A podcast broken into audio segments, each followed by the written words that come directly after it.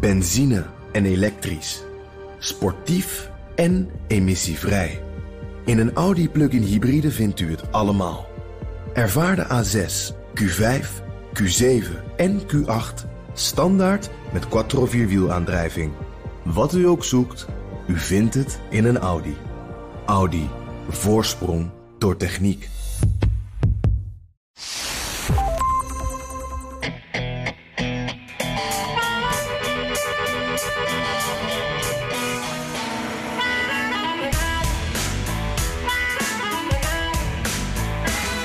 Bestorming van het Capitool om zo'n verkiezingsuitslag te niet te doen. Het blijft precies een jaar na 6 januari moeilijk te bevatten. We're going to walk down and I'll be there with you. We're going to walk down. We're going to walk down anyone you want, but I think right here we're going to walk down to the Capitol. Het spook van 6 januari en de mythe van verkiezingsfraude hangt nog steeds boven Washington en heel Amerika. En voormalig president Trump houdt hem in leven. President Biden probeert er wat aan te doen. Dit is Amerika podcast nummer 110. Mijn naam is Jan Posma en eh, dit is even wennen. Je denkt ook misschien wat klinkt hij dichtbij ineens. Nou, dat klopt. Eh, ik sta ineens eh, zomaar in de podcaststudio in Amsterdam. En ik ben Bernard Hammelburg vanuit Studio Hammelburg in New York. Beetje de omgekeerde wereld, eh, Jan. Ja, dit, dit voelt eh, heel gek hoor. Ik sta nu met de automatenkoffie. Ik kijk hier omheen, zie eh, nou ja, de BNR-logootjes. En ik kijk zo uit op, naar buiten, het, het Prins Bernhardplein. Het voelt heel, eh, heel gek eigenlijk dat jij Ja. nu in Amerika zit en ik niet. Nou, ik, denk, ik heb jou net nog een fotootje gestuurd van eh, hoe ik zit. Dus Ja. bekend Het mooie uitzicht. met dat mooie uitzicht helemaal over, over Manhattan tot aan het nieuwe World Trade Center. Of, Oh man, ik ben jaloers hoor. En, en ik hoorde net van onze collega Michael, die BNR De Wereld doet. Die zei van, jullie kunnen elkaar nou ja, niet de hand geven, maar jullie kunnen naar elkaar zwaaien. Want jij vliegt maandag weer terug, toch? Maandag vlieg ik naar Nederland. Ja. Ja. en ik doe het andersom. Dus we wisselen elkaar echt af. ja. Nou, ik zal naar je zwaaien. Ja, heel goed. Ik zal eh, Ja. opletten. Ik zit eh, bij het raampje dan voor je. Ja, ja.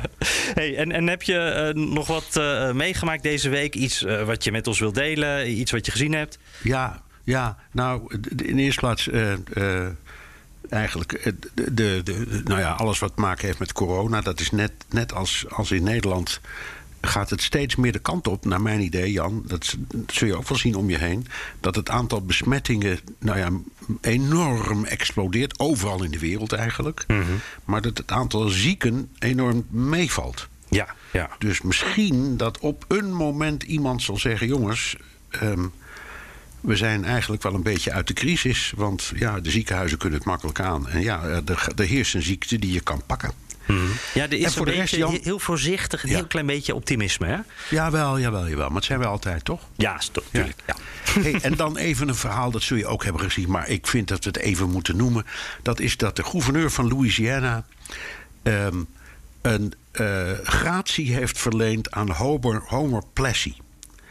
En Homer Plessy was een zwarte man die in 1892 is gearresteerd omdat hij weigerde op een, eh, in, in de trein in een eh, rijtuig te gaan zitten dat alleen voor witte was. Een, een soort vroege Rosa Parks is Een eigenlijk. soort vroegere Rosa Parks, ja. En die man is toen gearresteerd. Dat is een rechtszaak geworden. En dat is helemaal naar het Hoge Rechtshof gegaan. En die zijn toen gekomen met iets wat nou ja, aan de apartheid doet denken.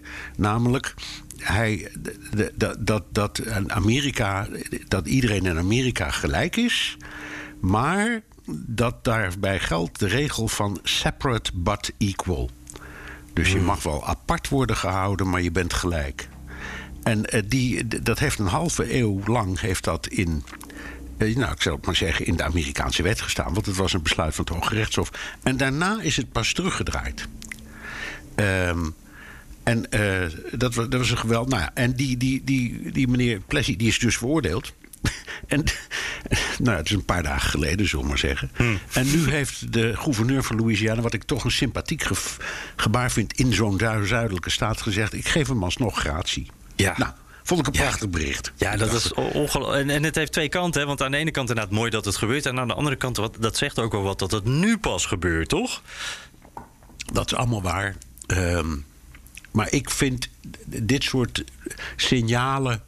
Die, die zeggen mij een hoop. Ik, ik, ik, ik vind dat. ehm, elke maatschappij, ook de Nederlandse, is eigenlijk continu bezig aan een soort emancipatieproces. Er zijn altijd nieuwe ontwikkelingen in de maatschappelijke verhoudingen. Of dat nou gaat om gender of om ras. Of om, het doet er niks toe, godsdienst.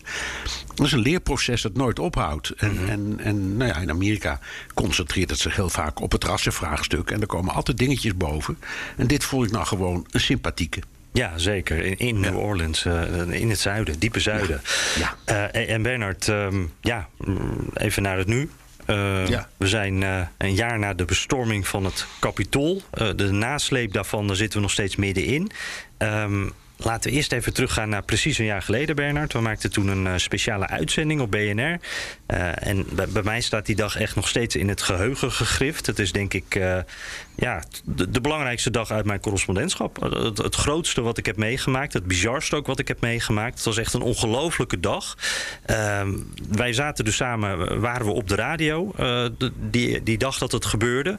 Hoe kijk jij erop terug? Het heeft een verpletterende indruk gemaakt, Jan. Ehm, om een aantal redenen. In de eerste plaats omdat wij, eh, gewoon vanwege de omvang van wat zich hier afspeelde voor onze ogen. Het feit dat je het allemaal live kon meemaken.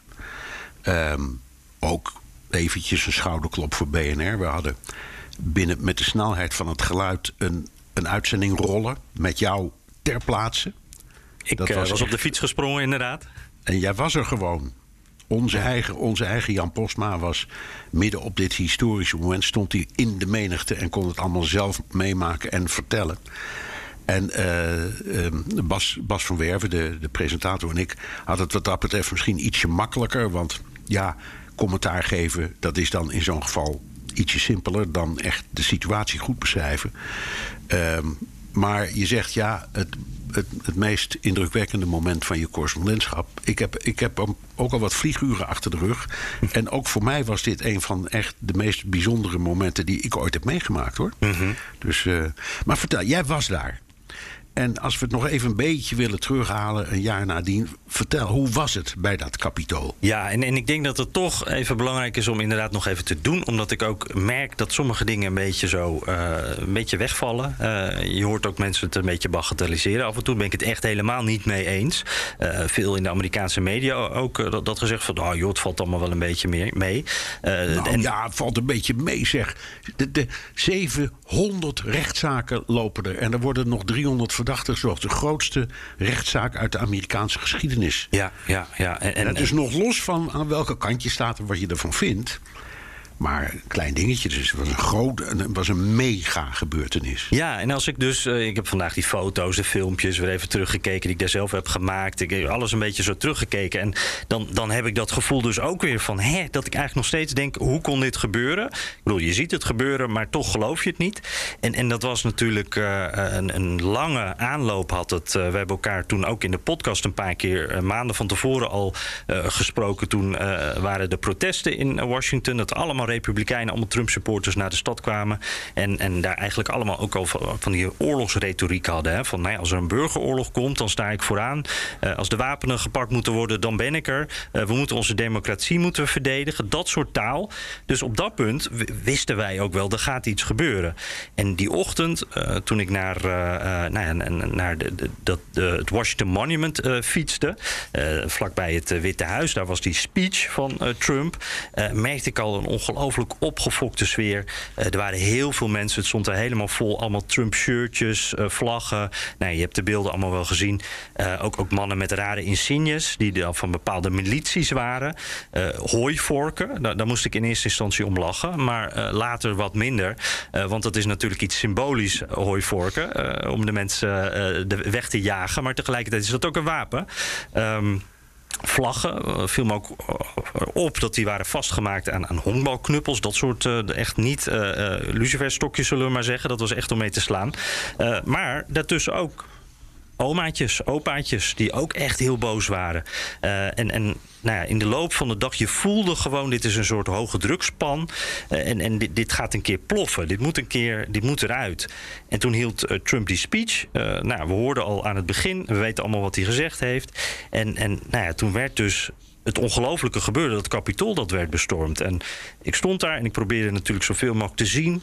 Uh, ik stond ertussen, ik probeerde zoveel mogelijk met mensen te praten. En, en er is toch één stukje wat ik even terug wil laten horen. En dat is het verhaal van Mitchell. Dat was een man die had dus ook een beetje zo'n militair pak aan. Uh, leek een kogelvrij vest. Uh, nou ja, zo'n zo'n op zijn hoofd. je kon hem niet herkennen, grote zonnebril. En die was al een paar keer was hij het kapitool in geweest. En dan was hij er weer uitgeslagen maar hij ging steeds weer terug. En, en hij vertelde denk ik heel goed wat uh, heel veel Trump-supporters daar voelden die dag. Namelijk, wij moeten dit echt doen. Dit is om ons land te, uh, te redden. We've been all the way inside uh, three times. And they beat us back harder each time.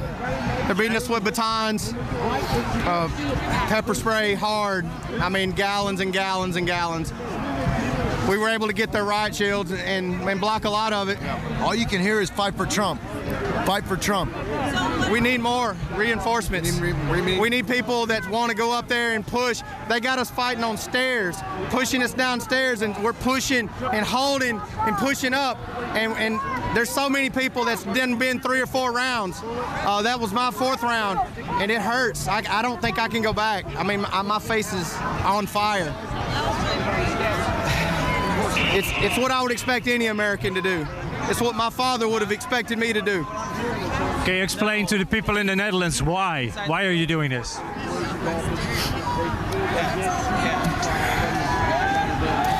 We, the people, have been pushed around for too long. The silent majority is ready to take our country back. And, and, and I'm a father of three.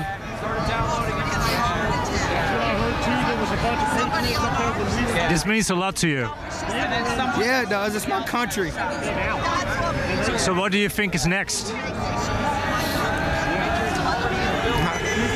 I don't know what's next. I used to know what was next. I used to know what was going to happen. The reason I'm here is because I don't know what's going to happen. And it's not looking good. Ja, ik, ik, krijg er weer een beetje kippenvel van Bernhard als die man dat vertelt. Uh, Ongelooflijk ja, dit. Ja. Ja, dit en, is... en, uh, en dat heb ik toen ook gedaan, maar opnieuw even een compliment. Dat je, nou weet ik, Amerikanen praten graag en, en, en gemakkelijk, maar dit was toch een goed staaltje journalistiek. Dankjewel. Ja, dat, dat, je, dat, dat je dit uit die man wist te krijgen. En ook zijn emotie zo voelde. Want hij was echt heel aangedaan. Ja. Die, ongelooflijk verhaal. Dat, moet ik misschien ja. even bij vertellen ook. Want het was natuurlijk, we weten allemaal, de, de media werden niet zo fijn uh, bejegend uh, die dag. Dus ik had op een bepaald moment mijn perspas heb ik weggestopt. En mijn uh, BNM-microfoon heb ik in mijn tas gestopt weer. En we waren in de uitzending. En ik heb dat via mijn, mijn oordopjes van, van, van, die je bij je iPhone krijgt gedaan. En dat ging prima. dus dat was heel fijn. Dan, dan zien mensen niet dat je van de media bent. Maar op een bepaald moment moet je natuurlijk wel, wil je iemand even je wilt het opnemen en je wil ook, ja, dan moet je ook vertellen waarvan je bent. Dus ik had hem heel voorzichtig uh, benaderd en hij was ondertussen zijn ogen aan het uitspoelen uh, van, het traangas of de pepperspray of zo. En toen, nou ja, dan is het ook wel een geluksmomentje als iemand wil praten. Want je weet dat iedereen de hele dag heel negatief uh, tegen alles wat de media is. En, en nou ja, ik heb ook wel ruzie gehad die dag. Dus dat was heel fijn dat deze Mitchell wilde praten. Ja. En uh, dat wij hem nog even een keertje konden laten horen. Uh, Bernard, het is ook uh, ja, vandaag dus precies, als wij elkaar spreken, is precies een jaar geleden. Uh, dat betekent dat vlak voordat wij uh, dit gesprek ingingen, uh, president Biden ook een toespraak hield. Dus een grote herdenking bij het Capitool. Harris was er ook, de vicepresident. Het is echt een, nou, een beetje een democratisch feestje, zeg ik ook maar even. Want republikeinse leiders wilden er niet bij zijn. maar Biden hield dus een speech. En dat was een hele ferme, een behoorlijk harde speech. Hard richting Trump. En ook ja, heel, uh, heel uitgesproken over hoeveel gevaar Amerika die dag liep en hoe Amerika eigenlijk langs de rand van de afgrond ging. Our democracy held. We the people endured. We the people prevailed. For the first time in our history, a president had not just lost an election, he tried to prevent the peaceful transfer of power as a violent mob breached the Capitol.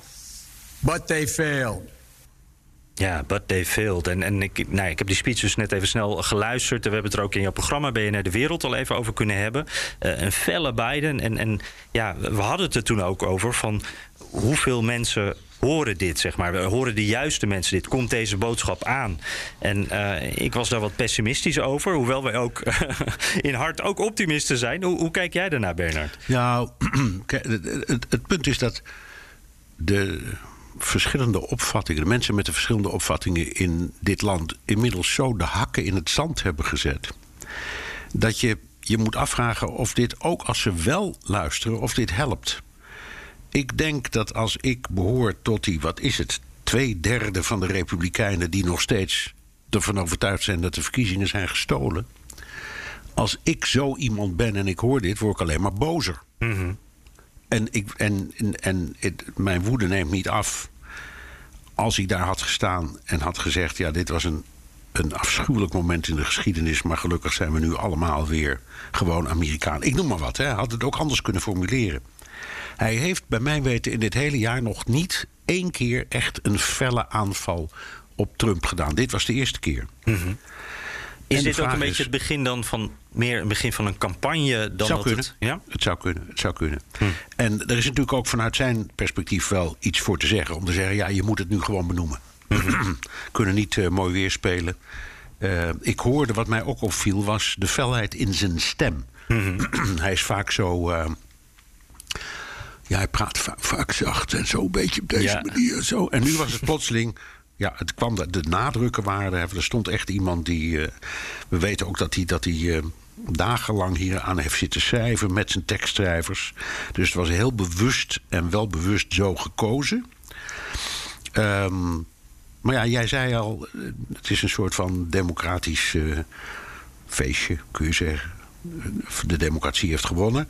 Eh, Nancy Pelosi heeft dat ook gezegd. Hè. Dit is, was een overwinning voor de democratie. Eh, Kamala Harris, die net een toespraak heeft gehouden, die heeft dat ook gezegd. En hij heeft dus ook dat thema van de democratie wint van zo'n slechterik als Trump. Mhm. Ja, en hij zette Nou, zichzelf daarna neer als de persoon die de democratie verder gaat verdedigen. Precies. Ja, en, en daar werd het een beetje campagneretoriek. En te- tegelijkertijd denk ik dus, want ik, inderdaad komt het aan, ik denk het niet, maar ja, je moet het misschien toch ook gewoon zeggen. Dat is eigenlijk misschien ook wel belangrijk. Want Ja. op Fox News wordt steeds andere dingen gezegd. Eh, het is eigenlijk ook wel goed dat hij zich uitspreekt. En of het dan aankomt, ja, daar kan hij dan ook niet zoveel aan doen, toch? Nee. Ehm, dat, daar heb je gelijk in. En misschien had hij dat al veel eerder moeten doen. Hm, Ehm, ja. Bijvoorbeeld, hè, we, hebben, we, zijn nu maandenlang, daar praten we ook heel veel over, getuigen van wat die eh, commissie van het Huis van Afgevaardigden doet, die dit allemaal onderzoekt. En daar heeft hij zich in elk geval in het openbaar redelijk van weten te distancieren. Nou kun je zeggen, dat hoort ook in een democratie, want het parlement doet een onderzoek en daar moet de uitvoerende macht zich misschien niet mee bemoeien. Maar het begon wel op te vallen hoor, vond ik. Dat Ja. hij daar nooit een keer echt gewoon zei: jongens, ik heb ook een mening erover. En nu dus plotseling wel. Ik denk dat dit de bakens een beetje verzet. Alleen, je vroeg heel terecht, wat moeten we nou denken van het effect? Ik denk dat dat. Het maakt, het maakt de bozen alleen maar bozer. Ja. Dat, dat, dat vrees ik. Maar, maar, maar de vraag is: wat zou hij kunnen doen om dat te veranderen? En ik vrees dat het antwoord is: niets. Nee, wat, nog één dingetje over deze toespraak. Hij eindigde ook met: met eh, ik ga de, deze democratie, ik ga onze democratie verdedigen. Maar hij zei daarbij niet hoe. En we zien natuurlijk allerlei manieren waarop republikeinen regels aan het veranderen zijn, een beetje de macht aan het grijpen zijn op lokaal niveau. eh, om eigenlijk mogelijk te maken wat deze keer op 6 januari niet lukte. Eh, democraten kunnen wel heel hard roepen, maar uiteindelijk doen ze niet zoveel. Hè. Ze, ze, ze willen wel allerlei eh, wetten erdoor eh, gooien om, om die verkiezingen eh, eerlijk te houden, maar het lukt ze niet. Nee, nee de, de, de, de, Republikeinen zijn inderdaad heel efficiënt en strategisch bezig tot in de kleinste dorpen. Bijvoorbeeld om, om, om daar allemaal de positie te verwerven van chef stemmenteller. Zodat wanneer er nieuwe verkiezingen zijn, er niet nog een keer een- zo'n discussie ontstaat. En misschien de Republikeinen veel gemakkelijker kunnen zeggen: wij hebben gewonnen. Ja, ik las Eh, vandaag, eh, de NPR had daar een goed stuk over. Ik, volgens mij waren het twaalf staten. En dat waren ook de staten waarin de verkiezing heel dicht, de uitslag heel dicht bij elkaar zat eh, in november. Want twaalf staten proberen Republikeinen, Trump-aanhangers, soms QAnon-aanhangers, proberen chef eh, stemmenteller te worden. Ja. Nou ja, dat heeft natuurlijk grote gevolgen als een QAnon-aanhanger die positie krijgt. Precies, en dan heb je het, het, het verschijnsel gerrymandering. Dat is dus dat bij het, het, het, bepalen hoe, hoe, hoe de grenzen nu van kiesdistricten nu precies lopen. eh, De Republikeinen dat veel handiger spelen dan de Democraten. Dus die op de een of andere manier zijn de Republikeinen altijd in staat om hun ehm, districten groter te maken en die van de Democraten kleiner. Vooral als, het, eh, als er veel zwarten wonen in zo'n omgeving. Dus dat is ook een, dat, dat is ook een, een, een belangrijke factor. En ehm, jouw vraag is een goede. Want wat ik niet zie is enige tegenactie van de, van de Democraten. Ze, ze, ze mopperen alleen maar. En zelfs dat niet hard genoeg. Ja. Ehm, dus als dit allemaal gebeurt en jij en ik en iedereen die het nieuws volgt, die ziet dit gewoon gebeuren. Ja, waarom komen ze niet in actie? En het enige wat die democraten doen is eh, onderling ruzie maken of de linker of de rechtervleugel nou gelijk moet krijgen. Maar iets, een, een, een, een strategie tegen die eh, republikeinse bulldozer die op ze afkomt, die zie ik niet. Ja, ze, die Republikeinen spelen het spelletje ook gewoon slim. Veel Eh, beter, Er er was één Republikein natuurlijk, eh, die zouden we ook gaan horen vandaag. Eh, we hebben hem niet gehoord eh, op het moment dat wij elkaar spreken in ieder geval. Trump die zou een, een toespraak houden op Mar-a-Lago. Het zou een soort persconferentie worden. En nou ja, we hadden al wat gehoord wat er dan voorbij zou komen. En dat was allemaal niet zo verrassend. Hij zou nog eens herhalen dat Antifa en de FBI achter de bestorming zitten. Dat klopt natuurlijk niet. Hij zou ook weer vertellen dat verkiezingsfraude het echte probleem is. Dat is de, de echte big lie. Eh, hij zou ook de onderzoekscommissie gaan aanvallen. eh, en, en natuurlijk ook de media, want wij horen er ook altijd bij. Maar uiteindelijk eh, heeft hij niet gesproken, Bernard. Nee. En dat komt omdat de mensen die, die hem adviseren hem dat hebben afgeraden. Lindsey Graham bijvoorbeeld, hè, die senator die Golfmaatje nou, ook invloed heeft. En, en, en in het algemeen een Trumpist is, die zei je moet dat niet doen. Ehm, Laura Ingram van Fox. ehm, die zei in een uitzending: Ik vind dit niet zo'n goed idee. Eh, en de partij zelf. Want je hebt natuurlijk ook het, gewoon het partijbestuur. En er zijn verkiezingen in voorbereiding in november. En ik kan me voorstellen dat als je in het bestuur zit van eh, zo'n partij, dat je denkt: joh, we moeten eh, wel zorgen dat we. Nu we in feite best goed gaan en eh, afsteven op een overwinning, moeten we niet zorgen dat deze man door zo'n toespraak de, het hele, de hele PR-campagne in elkaar knalt. Ja. Ja, want eigenlijk eh, zeggen die Republikeinen: eh Biden gaat niet zo goed. Laat hem, eh, laat hem lekker zijn werk doen. En eh, met ons gaat het steeds beter. Dus hou je mond gewoon, Trump. Eh, want we willen het helemaal niet meer over 6 januari hebben. Wij willen vooruitkijken. Die volgende verkiezingen winnen. En eigenlijk elke keer als je dit oprakelt, ja, zorgt dat weer voor narigheid. En, en daar hebben we gewoon helemaal geen zin in. En dan achter de schermen kunnen we wel een beetje proberen om, om dus die regeltjes wat, wat aan te passen. Ja, dat is groot gelijk. Want Biden is toch, zeker in hun ogen, en ik denk dat het ook wel waar is, bezig is om in zijn eigen zwaar te vallen. Dus ik zou, als ik tegenstander was, gewoon zeggen: joh, ik doe even niks. Komt wel goed. Ja. Die, die, die man is bezig zichzelf met zijn partij samen om zichzelf in het nauw te, te, te drijven. En als we niks doen, kunnen we winnen. Ja.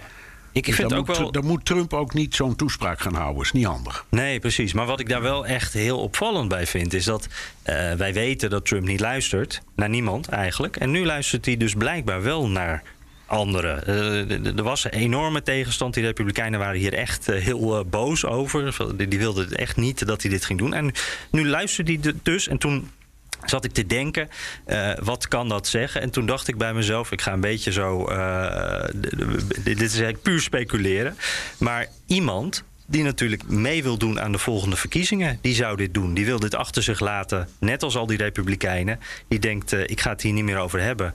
Eh, we gaan door naar de volgende stap. Zou kunnen, maar dan had hij die aankondiging ook niet moeten doen. Nee, dat is dus waar. hij is pas Ja. op het laatste moment op andere gedachten gekomen. Ja. nu is dat de tweede achtereenvolgende keer dat hij dat doet. Hè. Een paar weken geleden hadden we hetzelfde met eh, het vaccin.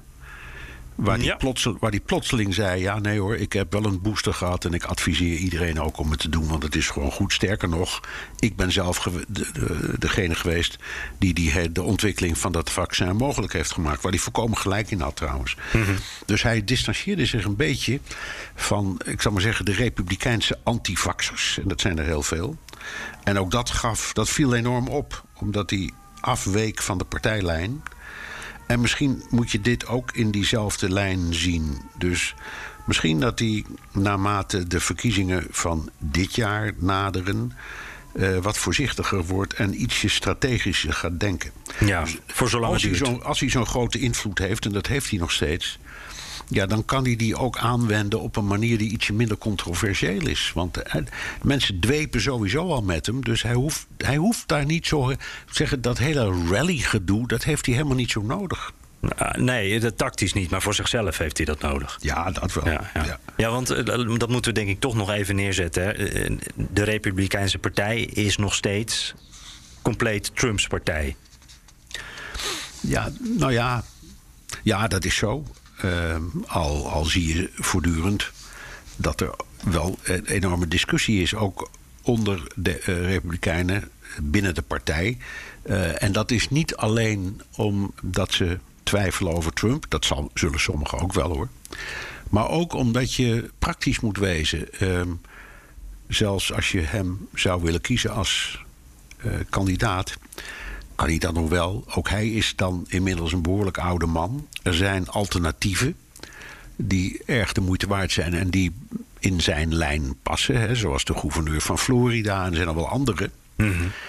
Ehm, als hij zich al te prominent opblaast, ehm, ja, dan drukt hij die anderen weg. Eh, en de vraag is of dat handig is, want uiteindelijk gaat het om het winnen. En de- omdat die, Trump heeft natuurlijk een enorme aanhang, en, eh, eh, maar niet alle Republikeinen. Dus het blijft altijd een dubbeltje op zijn kant als je Trump kandidaat maakt. Terwijl als je bijvoorbeeld kijkt naar zo iemand als de Santos of zo, hè, de, de, de gouverneur van eh, Florida. Florida, of er zijn ook nog wel andere. Die Abbott van Texas. Abbott van Texas, ja. Eh, en er is zo'n heel lijstje van mensen waarvan je denkt... nou, die zouden best... Die, die klinken allemaal ietsje minder radicaal... en die zijn ietsje meer politiek door de wol geverfd. Die zouden misschien ook voor die partij beter zijn. Dus het gaat er niet om of partijleden wel of niet van Trump houden... want ik denk dat er heel veel mensen echt wel van hem houden. Maar wat is nou het handigste als je verkiezingen ingaat? Ja, en dan kan je misschien met een Trumpist meer bereiken dan met een Trump. Dat denk ik. Dus en dat, dat, is, dat is echt een kwestie die Republikeinen zelf onder elkaar moeten uitzoeken. Maar ehm, ja, kijk maar eens naar die peilen. Wat zijn de peilingen trouwens? Als je kijkt naar Republikeinen van, eh, die een beetje, goeie, beetje naam hebben. Ja, ik, ehm, ik zie in ieder geval dat Trump daar mijlenver eh bovenaan staat. En eh, volgens mij staat DeSantis op, op de laatste peiling die ik zag, stond hij op de tweede plek, maar echt op 40 p- punten achterstand. Ja. Dus het, het is echt gigantisch. Dus het is een reus, dat is Trump, en daarna een paar kleintjes. Ja. En nou dat- ja. Ja, en, en nou, je zou dus kunnen zeggen, als je, wat jij zegt, van nou ja, hij moet zich niet eh, hard eh, op laten blazen. Dit is dus een moment waarbij eventjes de bom is eh, onklaargemaakt. En dat Trump nog eh, gewoon eventjes doorgaat en, en eh, zijn politieke leven in ieder geval eh, niet eh, ja, onderbroken heeft. Nee, nee. En, en ook, ook voor hem geldt dat ook wanneer hij die positie wel wil kiezen, hè, partijleider blijven en misschien kandidaat worden, dan wordt het belangrijk om ook momenten te kiezen waarop je zwijgt. Eh, en nogmaals, het gaat ze goed, de Republikeinen. Ja. Het zijn de Democraten die het zichzelf moeilijk maken. Dus ja, wees terughoudend. En eh, hoe meer ze in hun eigen zwaarden vallen, hoe makkelijker het wordt. Ik ben benieuwd hoe lang eh, Trump dat volhoudt, Bernard. Ja, ja, dat is waar. En het is een flap uit en hij kan zijn mond niet houden. En hij is eigenwijs en hij luistert niet. Allemaal waar. Maar goed, hij wil wel, hij wil wel heel graag. Dus hij heeft ook, het is ook een stratege. hè? Dus, het is een dealmaker. En dit is ook een kwestie van deals maken binnen je eigen partij. ja. Nou, Jan, ehm, even naar het- die onderzoekscommissie. Eh, die is nu al een, een aantal maanden bezig. Eh, die gaan gewoon door met hun onderzoek. Die hebben al 300 getuigen gehoord. Tienduizenden pagina's aan documenten bekeken. Er is gesproken met verkiezingsmedewerkers in eh, de battleground states. De commissie heeft haast, want ze bereiden zich voor op het openbaar maken van hun bevindingen, toch? Ja, dus het is ook wel interessant om even te kijken... eh, wat kunnen we dan verwachten de komende tijd? Want we zitten natuurlijk daar allemaal op te wachten. Ehm, en eh, inderdaad haast, hebben we het hier ook vaker over gehad. Hè? Want voor november moet het klaar zijn. Want eh, nou, het ziet er nu naar uit dat de, de democraten... makkelijk hun meerderheid zouden kunnen verliezen in het congres. En dat, dan kunnen de republikeinen dus heel makkelijk dit onderzoek opdoeken. Eh, dus ze willen voor november, voor verkiezingsdag, willen ze klaar zijn. Eh, dat is de deadline die echt telt. En dan, ja, dan weten we dat er ergens in de tussentijd tussen nu en november eh, openbare hoorzittingen gaan komen. Ehm, Waarschijnlijk wordt gezegd, hè, het kan allemaal weer veranderen, maar komt er nog een soort update in het voorjaar of de zomer, dat we een soort tussenconclusie conclusie kunnen gaan horen. Ehm, dat is in ieder geval het plan. En, en ze zingen constant allemaal namen rond. Ze spreken met die, ze horen dat. En, en eh, Liz Cheney bijvoorbeeld, hè, die republikeinse die in de commissie zit... eh, die, die, zegt, die heeft vandaag nog een keer gezegd... oh, die Mike Pence, dat was echt die dag op 6 januari... dat was een held. Nou ja, ze zijn Pence ook aan het paaien... om hem eh, ook aan het spreken te krijgen. Dus dat is ook spannend. Maar uiteindelijk weten we natuurlijk helemaal niks... En, en kunnen die democraten ook best met lege handen staan. We hebben echt op dat punt... We, we hebben alleen maar kleine eh, puzzelstukjes. We hebben echt niet het complete beeld. En we weten natuurlijk, Bernard, eh, Steve Bannon, Mark Meadows... eh, allemaal van die grote namen... Waar, je ook echt alle informatie van wil weten. Ja, die werken half mee, werken niet mee, werken tegen.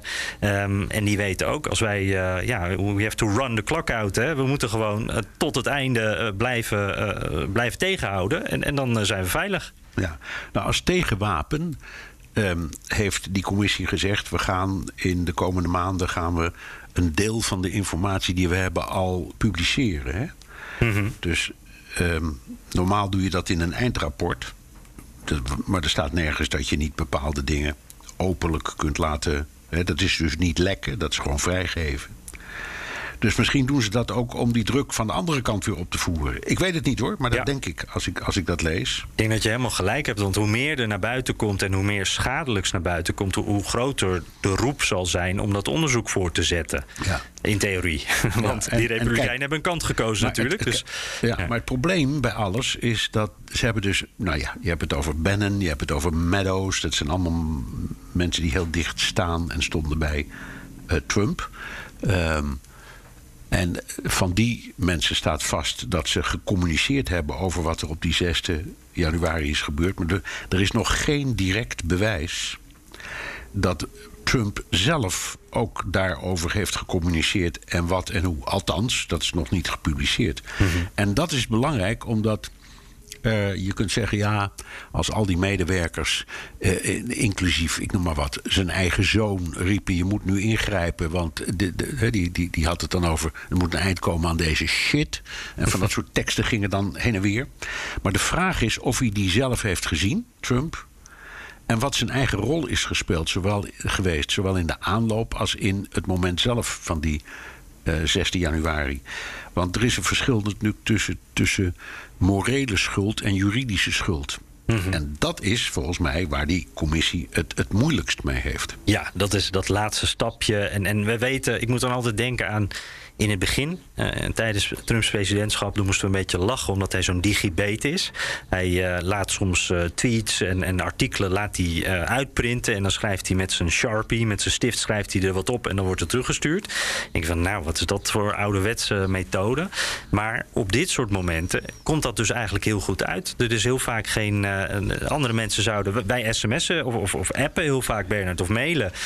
Bij ons kunnen ze precies zien hoe, hoe de, deze uitzending tot eh, stand is gekomen en wat we vinden en wat we denken.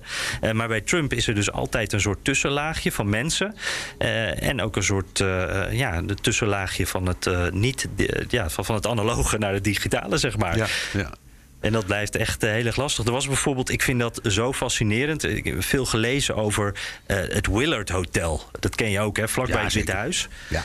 Echt een heel chic, chique plek is dat. En daar eh, kwamen allemaal Trumpers samen. Dus niet in het Trump Hotel, maar in dat Willard. En dat, dat zit echt... eh, nou, je kan bijna een eh, tennisbal gooien na- naar het Witte Huis. Giuliani zat daar. Steve Bannon. John Eastman, dat is zo- zo'n juridisch adviseur... die ook, nou ja, ook helemaal in het Trump-kamp zit en meedacht. Michael Flynn, kennen we ook nog. Hè?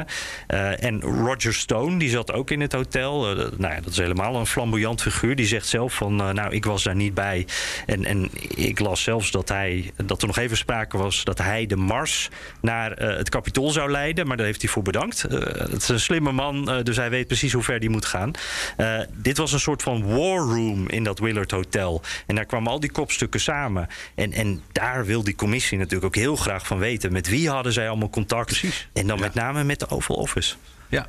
En dan komt weer de vraag: hadden ze dan contact met de president zelf? En, en er zijn natuurlijk twee dingen. Kijk, het eerste is wat er gebeurde bij die bestorming. Nou, daar, daar komen ze door al die sms'jes en door die WhatsApp-berichten wel een eindje verder, ehm, denk ik, in, de, in, in het vinden van bewijzen eh, van een mogelijke rol van Trump zelf. Ehm, er was bijvoorbeeld één eh, tweet, nee, één ehm, WhatsApp van eh, Meadows, de, de chefstaf, die mij opviel. Eh, namelijk dat toen, toen hij werd bekogeld door eh, eh, berichtjes van je moet zorgen dat Trump hiermee stopt. Hè, van, van medewerkers, van mensen van Fox, ook van zijn eigen kinderen. Die dus zeiden hij moet, hij moet hier iets aan doen. Dat hij op één dingetje antwoordde van jullie hebben gelijk en ik ben ermee bezig. Ja. Dat is de enige aanwijzing dat, hij, dat er misschien rechtstreeks contact met Trump is geweest over die zaak. Dat is het enige. Voor de rest weten we dat niet. Dus daar, daar gaat het allemaal om. Ja. En dan de andere zaak is natuurlijk die, die hele periode waar Biden het ook over, over had, over systematisch ontkennen dat Biden had gewonnen. Dat onderzoekt die commissie ook, maar volgens mij komen ze daar echt geen steek verder mee hoor. Want daar vallen echt alle luiken dicht en krijgen ze niet wat ze willen zien. Ja, want wa- wa- wa- welk- waar zoeken ze het dan? Want daar kan je ook van zeggen, eh, we weten precies wat Trump gezegd heeft. Dus wat, wat moeten we daar verder nog onderzoeken? Ja, nou ja, nou goed, het kan best zijn dat in die war room bijvoorbeeld daar een hele strategie voor is uitgestippeld. Ehm, en eh, daar is dan zo'n naam als Bannon heel belangrijk, want dat is echt een strateeg die zegt: als je voortdurend dit en dit zegt en maar vo- volhoudt, dan wordt het op een bepaald moment waar. Ehm, maar eh, ja, de vraag, goed nogmaals, het blijft, de, de vraag is wat er nu juridisch eh, aantoonbaar een misdrijf kan zijn geweest. En het ontkennen van een verkiezingsuitslag alleen is naar mijn idee niet voldoende om iemand op wat voor manier dan ook ja, te veroordelen. Of, of wat dan ook. En, en je zou kunnen zeggen, moreel. eh als Dat is wat anders. Ja, Dat dat, is anders. nee, dat is zeker Ja. wat anders. Maar dat, is dan het volgende wat je zou kunnen bereiken als commissie. Maar een morele veroordeling van Trump ga- gaan we niet zien. Want eh, de Republikeinen die zijn eigenlijk van, van wel een beetje schrik naar eh, die bestorming. Eigenlijk alweer helemaal bijgedijd. En we, we horen nu eigenlijk eh, bij Republikeinen vooral: we willen het er niet over hebben. Het kan ons niet schelen. Eh, het is overdreven. Het, het is een hetze. Al dat soort dingen. Eh, dus, dus dat gaat er ook. Eigenlijk is het een beetje zo. Bernard, dit doet me zo denken aan de impeachments, aan het Mueller-onderzoek. Dat er komt echt wel wat naar boven. Heel veel blijken we ook al gewoon gezien te hebben. We weten het eigenlijk al. Maar ja, het kan de meeste kiezers helemaal niks schelen. Dat klopt. En ehm, tenzij die kom Kijk, ik, ik denk natuurlijk allemaal aan de, de, de Watergate hearings destijds, hè, met Jaworski en zo, zo'n hele groep. Waarom is dat nu uiteindelijk een succes geworden? In de eerste plaats omdat het bewijs eh, heel eh, was er hè. Dat ging, het belangrijkste bewijs waren de bandjes van wat zich had afgespeeld in de ovale kamer, die Nixon zelf had opgenomen. Dus er stond heel veel op band, eh, wat je kon horen. Maar het belangrijkste was dat zijn eigen medewerkers eh, hem hebben laten vallen. Eh Dean bijvoorbeeld. eh, heeft een hoofdrol gespeeld. Hè? Dat was een van zijn adviseurs. En die is eigenlijk degene geweest die in het congres in detail heeft uitgelegd welke rol de president zelf had gespeeld in die Watergate-affaire. Ehm, als iemand als Meadows, dus de, de, de stafchef, nu voor die commissie zou verschijnen en zou zeggen: Oké, ik zal even precies gaan vertellen welke rol de president heeft gespeeld en hoe hij het heeft aangepakt. Ja, dan zou het er heel anders uitzien. Ja, ja, maar dat ja. gebeurt niet. Ja. Nee, nee, precies. Zeg Bernard, ik, eh, ik maak me wel een beetje zorgen eigenlijk. Als ik kijk hoe het land er nu voor staat. Als, als ik kijk hoe gekeken wordt naar 6 januari. We zijn een jaar verder. Ik zei het net al, er is een soort golfbeweging geweest. Eerst ook wel bij Republikeinen dat ze geschrokken waren en verontwaardiging. Maar dat is nu allemaal een beetje zo onder het tapijt geveegd. En er wordt vooral gekeken naar de volgende, het volgende politieke doel. En dat zijn de komende verkiezingen. Eh, ook wel een beetje angst voor Trump, denk ik, daarbij. Eh, en als ik eh, naar, Fox News kijk, waar verreweg de meeste Amerikanen naar kijken, dan, zie ik daar eigenlijk ook een beetje van, nou ja, dat 6 januari, we moeten het maar achter ons laten.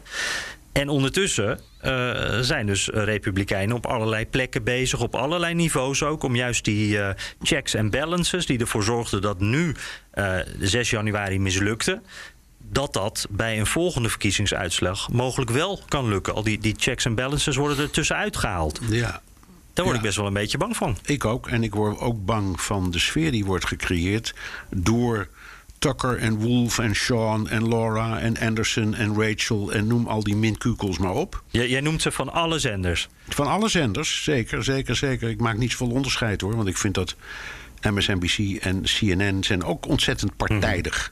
En die mensen, dat zijn geen journalisten, dat zijn predikanten. En die, die, die, die roepen van alles van, de, van hun tv-kansel. Eh, worden vaak niet gehinderd door kennis. Ehm, maar ze brengen het allemaal als de absolute waarheid. En als burger moet je dan continu ergens voor of tegen zijn. Of je moet het toejuichen juichen of verketteren. Of je moet sneren of dwepen. Of je moet minachten of aanbidden. Ehm, en ehm, dan heb je een, een, een schier eindeloze verzameling van dwazen... die zichzelf journalist noemen. En die verspreiden dan allerlei eh, via dubieuze websites en blogs en de asociale media de meest complotterige larikoek. Dat maakt het allemaal zo ingewikkeld. Hè, en wij van de mainstream media, want dat zijn jij en ik, Jan. Ja, de, de Wij zijn de schuldigen. Ja, ja. Ja. ja, altijd. Nou, ja. Dat, is, dat is wat mij verontrust. Ja. Eh, en het gaat er niet om of iemand pro-Trump of pro-Biden of republikein of democrat is. Helemaal niet. Moeten mensen vooral zelf weten in een democratie en wat hun motivering is ook. Maar, maar al die leugens die over en weer continu door de ether in worden geslingerd. En al die complotten die worden ontleend aan allerlei dubieuze en obscure blogs en websites. Dat vind ik doodeng. Ja, dit is eigenlijk eh, geld verdienen en kleur bekennen. Dat zijn een beetje de twee dingen die steeds terugkomen. Ja. Eh, de, de, de, lezer, of de lezer, de kijker, de luisteraar wordt gedwongen om te kiezen. Alles is zwart-wit, of blauw en rood in dit geval. En ja, dat is natuurlijk heel goed voor de kijkcijfers. Maar Ja. uiteindelijk, we hebben het er al vaker over gehad... als je een uurtje Amerikaanse televisie, nieuwstelevisie kijkt... dan ben je kapot en ben je geen steek verder. Hè? Nee. Nou ja, dat komt vooral dat kabelnieuws. En je hebt ook, gelukkig blijf ik zeggen, nog altijd de News Hour op PBS. En National Public Radio, die voortreffelijke journalistiek doen en helemaal geen partijdigheid. Ehm, maar het is inderdaad een kwestie ook van de handel. Eh, Het feit dat Sean Hannity 33 miljoen dollar per jaar verdient, ja, dat heeft ook een reden, Jan. ja, Dus het werkt klaarblijkelijk. binnen, ja. Ja, dus de, de, de, de adverteerders en de sponsors die tippelen erop. Nog, nog even dan, hè, want, want dit is weer een verkiezingsjaar. We, we spreken elkaar ook voor het eerst in een verkiezingsjaar weer, eh, Bernard. Zo is dat, Eh, de, ja. de vorige voelt nog eh, kort geleden, maar eh, dat einde van die speech van eh Biden... dat klonk eigenlijk ook wel als een, een, een kick-off van een campagne. Ja. Hè, toen hij zei, ik ga dit land wel verdedigen. Ik heb het al wat langer het gevoel, ook je voelt dat het aan het gebeuren is. Hè. Maar dat betekent ook dat de temperatuur weer omhoog gaat. Ja, ik, ik- daar word ik dus ook wel een, ik ben daar wel een beetje angstig voor eigenlijk. Want ik heb echt geen idee welke kant het op gaat. Ook op verkiezingsdag straks. Eh, want meer dan de helft van de Amerikanen die gelooft gewoon niet in de uitslag van de laatste verkiezingen. Hoe kunnen ze dan geloven in de komende verkiezingen? Ik heb geen idee en ik deel je angst. Eh, we zullen zien. Uh, ik, we, we, kunnen, we kunnen het niet voorspellen. Nee. We, we, we weten wel precies wie wat nu doet. Bijvoorbeeld de strategie van die Republikeinen, die, die naar, mijn idee redelijk briljant in elkaar is en ook best effectief zal kunnen werken. Het, achterblijven van de Democraten in het voorbereiden van een goede campagne. En dan ook de rol van Biden zelf. Want ja, dat is een oude man. En er wordt ook in die partij gesproken over de optie dat er misschien een, uh, een andere kandidaat moet komen. Maar door, door de manier waarop hij, zoals nu in die toespraak toch duidelijk zich profileert als de redder van de natie. Dat betekent dat andere talenten waarschijnlijk ook niet aan de bak zullen komen. Dus Ja. er zitten allerlei vragen in. Ik kan ze niet beantwoorden en we hebben ook nog wel even tijd. Het zal wel duidelijker worden in de komende maanden. Ehm, maar ik, eh, ik, ik maak me er ook zorgen over. Kan niet anders zeggen. Nee, ja, op dat punt eh, lijken de situaties wel een beetje op elkaar. Hè? Dat, dat, dat er bij de Democraten en de Republikeinen een, een grote naam zit. En de rest wacht eventjes af, noodgedwongen. Ja, ja. Dan Ja. kun je ook zeggen, goed, daar, dat, dat is nu eenmaal in een democratie vaak het geval. En zeker de Amerikaanse, want dat is, dat is een hele persoonlijke vorm van eh, politiek en campagnevoer. Het gaat altijd om iemand die moet winnen en niet een partij die moet winnen. Dus dat, dus dat ze, dat ze eh, zo'n zo'n zo'n kandidaat oppoetsen en maken tot een pronkstuk, dat begrijpen we wel.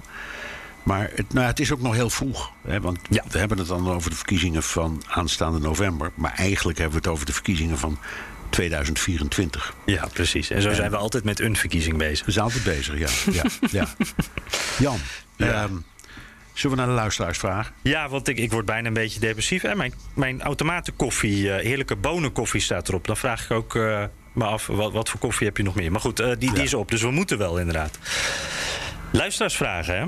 Eh, Ja. even kijken. Oh, Bernard, ik, wil meteen, ik pak hem even één momentje. Eh, iedereen mag even wat voor zichzelf gaan doen. Ik pak even wat uit mijn tas. Ja, is goed. Ik ben benieuwd. ja, ik was dat namelijk een beetje vergeten. Nou, dus ik moest even, even buigen. Maar we hadden een, een heel leuk eh, kerstkaartje gekregen. En dat wil ik toch even noemen. Eh was naar de redactie gekomen in Amsterdam. En eh, nou, ik had hem jou ook even doorgestuurd als fotootje. En dat was heel erg leuk. Ik, ik weet niet of ik deze persoon met naam mag noemen. Want eh, nou ja, het was ook een beetje persoonlijk. Eh, dus ik zal het bij de initialen houden. Het was M uit eh, Utrecht. En die vertelde, ja, als student is die hele coronaperiode best lastig en soms ook eenzaam geweest.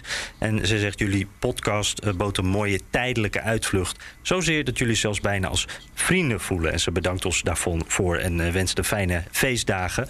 En nou ja, ik werd daar eventjes stil van. Dat was echt eh, heel, een echt kerstkaartje. Heel ontroerend, ja. Ja. Handges- Handgeschreven. En ik, eh, en ik moet ook zeggen, eh, eh, nou ja, ik- zonder te zoetsappig te worden hoor, eh, M uit Utrecht. wij waarderen echt enorm hoe onze luisteraars altijd reageren. De berichtjes die we krijgen, de, de mailtjes, de vragen, de opmerkingen, alles. En dit was ook weer even zo'n moment dat je denkt, nou ja, wat leuk zeg. We voelen ons ook een beetje een gemeenschap, hè? Zo. Ja, dat vind ik ook. En ook omdat het niet allemaal juichend is. Hè. Er zijn zat cijfers die zeggen... jongens, jullie snappen er helemaal niks van. En ook dat vinden we leuk. Ja, precies, precies. Maar eh, dank M. En, en ik moet zeggen, eh, we delen dit gevoel ook hoor. Want ik, ik, eh, voor ons, wij me- merken ook wel die lockdown. Ik ben nu tijdens de lockdown eventjes anderhalf of twee weken in Nederland. Ja, is toch jammer, alles is dicht. Ik, ik snap helemaal het moeilijke daaraan. En ik moet, ja, ik leef ook wel mee met de studenten hoor. Want als student is er niks leuker dan op pad gaan en de kroeg in en mensen ontmoeten. Ja, kan allemaal niet. Dus, Nee. Nou. Hey, eh, even door naar dan eh, de, de vragen. Eh, Remmert Oosterling, jij noemde het woord net al eventjes... en het is ook al veel vaker voorbij gekomen.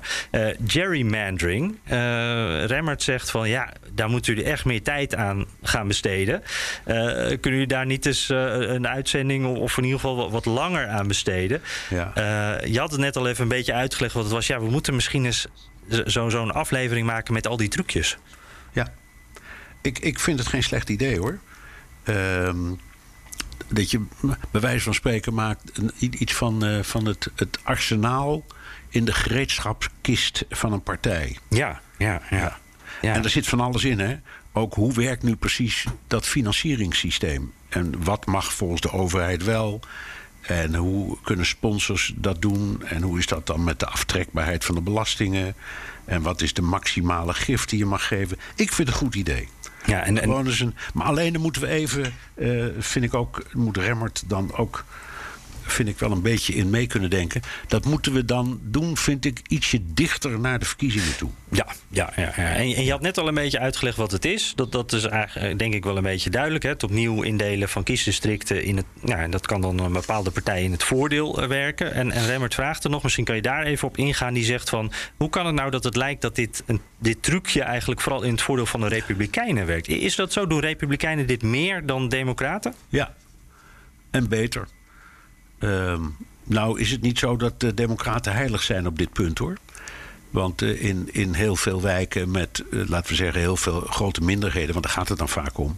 Daar doen die Democraten dat ook. Kijk, het, gebeurt, het vervelende is en blijft dat Amerika een land is zonder burgerlijke stand en bevolkingsregister. Dus niemand is ingeschreven. Dus de enige manier waarop je kunt vaststellen hoe een bevolking eruit ziet, is door een volkstelling. En die gebeurt één keer in de tien jaar. Dat is nu in 2021. Oh, is dat gebeurd? Mm -hmm. En dan, dan, krijg je, dan weet je toch niet zeker, want ja, niet iedereen is er, of niet, niet iedereen is eerlijk. Of sommige mensen zijn illegaal in het land en die doen dan niet mee aan zo'n volkstelling. Dus er zit heel veel berekening aan van uh, wiskundigen en sociologen en statistici. En dan krijg je dus een schatting van hoe groot de bevolking is. Dat is ruim 331 miljoen. En een schatting hoe het zit in elk kiesdistrict. En daar komen dan dit soort trucs bij het tellen en vaststellen van wat er binnen de lijnen van één zo'n district nu um, aan stemmen is. Uh, en aangezien het aantal uh, um, leden van het Huis van Afgevaardigden vaststaat, hè, er zijn er 435. Gaat het om hoe die 435 zetels worden verdeeld? Dus in een grote staat zoals deze, New York, waar je weet ik wat, wat is het? Ik geloof wel 18 of zo, misschien hmm. meer vertegenwoordigers hebt. Ja, daar is het heel belangrijk of in zo'n kiesdistrict. of er nu net ietsje meer uh, minderheden wonen. of net ietsje meer witte Amerikanen. Want dat geeft vaak de doorslag bij verkiezingen. Dus daar wordt enorm mee gesjoemeld. Of ja. Uh, uh, de, de, de, nogmaals, het is ook heel moeilijk te controleren. Mm -hmm. en, en, we, en we weten nooit of het klopt. Dus dat is het grote probleem. Want ja, er, bestaat geen, er is geen persoonsregistratie in dit land. Ja, tot toch een klein mini-college, Robert. Uh, dank voor deze vraag. En we komen er dus absoluut op terug. Ook een beetje in aanloop naar die verkiezingen. Anders Leurtser, die zegt het beste voor het nieuwe jaar natuurlijk. dank, hetzelfde terug. En hij is student bestuurskunde. En hij zegt, ik verbaas me vaak over de staat van het openbaar bestuur in Amerika. meer individuele vrijheden dan in Nederland. Een extremere mate van democratisering door ook bijvoorbeeld het schoolbestuur en ook politiechefs te verkiezen. de aversie van Amerikanen om belasting te betalen, zorgt er in mijn ogen voor dat publieke problemen niet goed opgelost kunnen worden. Zeker als je het vergelijkt met Nederland of andere Europese landen. Ik zou bijna willen vragen: hoe vinden Amerikanen eigenlijk zelf dat het gaat? Ja, nou, dat is natuurlijk een vraag die. dat hangt er vanaf wie het vraagt. Even om er één ding uit te pikken: dat is het, het betalen van belasting. Dat is een, een, een republikeins thema, maar dat gaat niet over belasting in de steden, staten, provincies uh, enzovoort. Dat gaat om de federale belasting. Dus uh, uh, de Republikeinen die hebben als principe... eigenlijk zou je helemaal geen federale belasting moeten betalen... maar we weten dat er zoiets nodig is als een nationaal wegennet... en een krijgsmacht en nog wat van dat soort dingen. maar dat moet je minimaal houden. Dus die concentreren zich heel erg over wat zich afspeelt op de vierkante millimeter mm. in dat grote land. En in een districtenstelsel kun je dat ook voorstellen. Want ja, wat er hier, ik, ik, ik, ik woon dan in New York ook in, in de Upper West Side. Dat is een district, district, dat is dan onderverdeeld in een paar kleinere districten. Het is niet zo'n hele grote buurt trouwens. En je merkt tijdens verkiezingen dat mensen eigenlijk alleen maar geïnteresseerd zijn wat er gebeurt in hun eigen straat. Hm. Uh, en als daar toevallig een school is, ja, dan willen we wel dat, daar, dat die past. Als het een openbare school is, dat die past in de sfeer van deze buurt. En dat uh, het schoolbestuur daar dus ook een beetje gevoel voor heeft. En die kiezen we. Dus die kiezen we dan in de lijn van wat wij verwachten dat voor ons goed is. Dat heeft, kan voordelen hebben en nadelen. Maar het is wel zo. Het is inderdaad zo. Alles wordt gekozen. De sheriff, de politiechef, de brandweercommandant.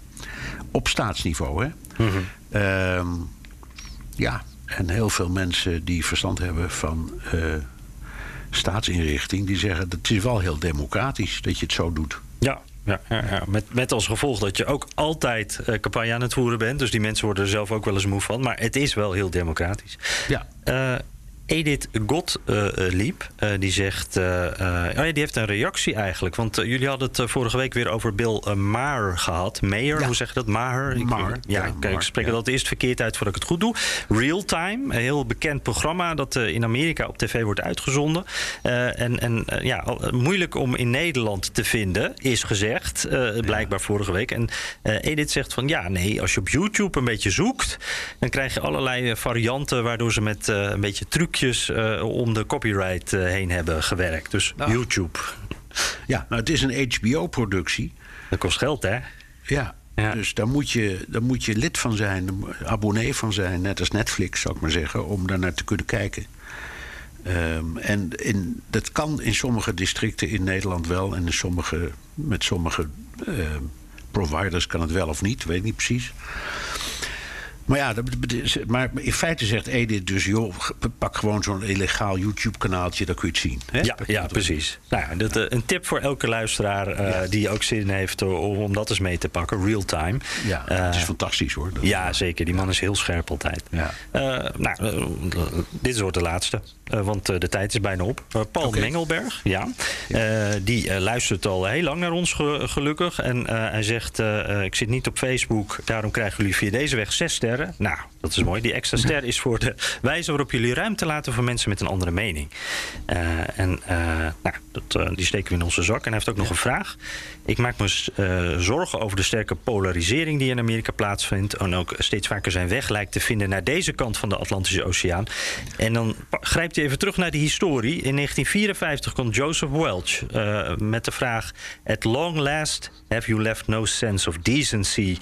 kon hij senator Joe McCarthy. Uh, ja, eigenlijk stoppen. Uh, dat, dat, was echt een, een, een, een groot moment. Uh, die McCarthy, die, die met zijn communistenvervolging bezig was, nou, hard in de borst trof. en zijn vraag is eigenlijk: ja, ik vrees dat zo'n opmerking in deze tijd weinig soelaas biedt. Maar als het dan toch zou werken, wie zou dit uh, dit jaar in 2022 kunnen zeggen? Wie zou de Joseph Welch kunnen zijn? Ja, het was inderdaad een idiote periode in de Amerikaanse geschiedenis. Met die heksenjacht op alles wat communistisch zou kunnen zijn. Bijna de hele journalistieke en artistieke wereld is toen op zwarte lijsten terechtgekomen. Maar ook allerlei andere mensen uit het bedrijfsleven. En inderdaad, op een bepaald moment die advocaat die dan opstond en zegt: in feite hebt, hebt u dan geen enkel gevoel voor fatsoen. Hm. En toen was het in één keer over. Toen, toen zakte die hele campagne in elkaar. Iedereen haalde opgelucht adem dat dat voorbij was. Ja, en eh, ik, ik denk ook wel eens uh, aan die kwestie terug. Als je bijvoorbeeld de emoties ziet over onderwerpen als uh, abortus of gestolen verkiezingen. Of al die dingen die zo hoog oplopen. Waar is die fatsoenlijke rakker die opstaat en zegt: jongens, dit is toch een fatsoenlijk land. Mijn, mijn idee is dat Joe Biden die rol wilde spelen. Ja. Want toen hij aan zijn Ja. campagne begon, toen, ja, toen had hij ook teksten die daar een beetje op leken. En nu in die toespraak van vandaag eigenlijk ook weer. Eh, alleen die maakt geen indruk. En ik zou zo snel niet, niemand meer kennen. Zeker niet in de, in de parlementaire of artistieke wereld die boven de partijen staat. Nee. ik, ik zou het niet weten. Ik Jij wel? niet. Nee, die autoriteit is er gewoon niet. Nee. Dat, eh, I- iemand die. die eh, nou ja.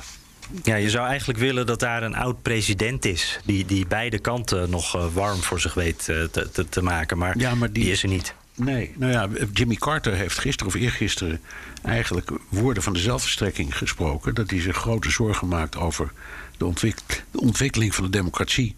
Maar ja, ook, ook die is een man die in de ogen van heel veel andere Amerikanen eh, verdacht is. En dat geldt voor alle nog levende presidenten. Ja, ja. ja die, die, eh, die wordt gehaat eh, aan de republikeinse kant. Ja, maar goed, zeg ik, Bush Junior heeft ook dat soort teksten geprobeerd. Hè? Zeker in de, in de periode van de bestorming, maar ook daarvoor. Die hele toestand over de ontkenning van de verkiezingsuitslag. Nou, dat heeft hem in de Republikeinse Partij ook niet geliefder gemaakt. Nee. Dus er is niemand die op dat niveau die kan doordringen. Ik weet het niet. Nee, ik ook niet. Dus uh, heb je tips? Uh, laat het ons weten. Uh, ja, laten we hem daarbij afronden. Zal, zal, ik nog wat recensies ja, meepakken. Bernard? Pak maar. Ja, ik, ik, begin even met de Eenster. Dat was een bekende naam. Volgens mij heeft Hindelaufen wel eerder een recensie achtergelaten. Was ook niet zo positief. Staat boven update podcast 109. Dat is dus vorige aflevering. David, David Hammelburg, die verving mij vorige week. Beweerde in podcast 109 dat ijsberen een zomerslaap houden. Dit is onzin. IJsberen houden geen zomerslaap. Zelfs geen winterslaap. Met de uitzondering van drachtige fruitjes. Aanleiding zou zijn dat er te weinig ijs zou zijn om over te lopen. IJsberen kunnen uitstekend zwemmen in, en in de zomer is er juist meer voedsel. Je gaat je toch afvragen wat nog meer niet juist is in deze podcast. Hoe vaak Bernard en Jan het ook ontkennen, ze hebben een vreselijk vooringenomen mening. Dramatisch linkse signatuur. En zo is het. Wij zijn, wij zijn linkse oproerkraaiers, toch? Absoluut, ja. Ja, ja, ja nee, daar herken ik me onmiddellijk in. Ja, zeker. Nou ja, kijk, het was, het was zo. Dat, daar hebben we ook in de podcast over gesproken. En ook daarvoor al. Want David was dus um, in, uh, de, ja, tegen de Poolcirkel aan in, in, in Hudson Bay. In, um, in een gebied dat heet Churchill. Uh, en daar, daar heb je dus heel veel ijsberen. En daar krioelt het van de deskundigen. En die heeft hij allemaal geïnterviewd voor een reportage voor de Duitse televisie. En die vertelden hun, die vertelden hem dat, ja, dat een ijsbeer die wil echt dat die baai bevriest. Uh, want die jaagt het liefst op zee, zeehondjes. En dat, dat kun je dus alleen maar doen in, in die omstandigheden. Mm -hmm. En uh, hij heeft daar alleen maar een paar uitgemergelde zielig uitziende ijsberen gezien. die helemaal niks van het eten wilden van. Eh, dat daar voorhanden was waarvan je zou kunnen zeggen: Nou ja, dat doen ze dan. Ze willen echt hun eigen prooi. Ik, ik, jij en ik zijn geen biologen. En, uh, ik, maar ik heb de indruk om het wel te geloven, want hij had echt hele goede deskundigen daar hoor. Ja, en hij heeft het ook met eigen ogen gezien. Dus dat uh, ja. stond er met zijn eigen ogen voor. Ja. Maar ja, goed. Het, uh, dus dat is eigenlijk uh, het antwoord. Eventjes namens David, die dus daar op die plek was en het met eigen ogen zag. En Bernard, ik had niet verwacht dat we dan. Ik bedoel, we krijgen veel altijd de kritiek dat we of te links of te rechts zijn. Maar dat we over ijsberen nu zo aangevallen zouden worden. Ik had het niet verwacht. Nee. Nee. Nee. Nee, maar ja, je ziet uh, elke aanleiding om aan te tonen dat wij niet deugen, die, die, die, die wordt iemand die ons niet mag, die pakt hem.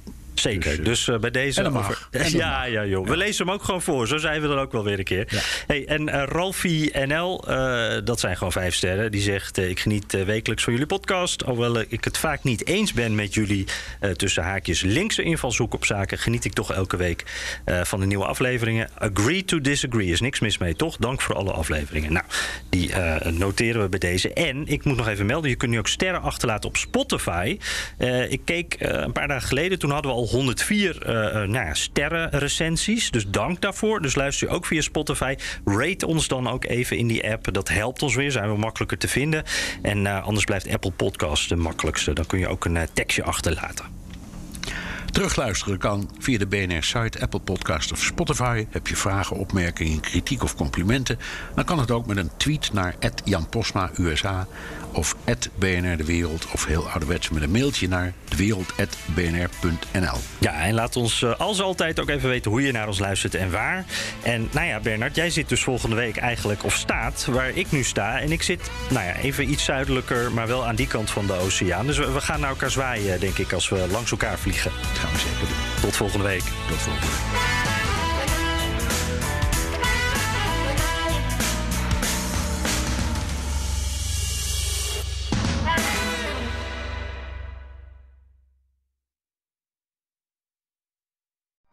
Benzine en elektrisch. Sportief en emissievrij. In een Audi plug-in hybride vindt u het allemaal. Ervaar de A6, Q5, Q7 en Q8 standaard met quattro vierwielaandrijving. Wat u ook zoekt, u vindt het in een Audi. Audi. Voorsprong door techniek.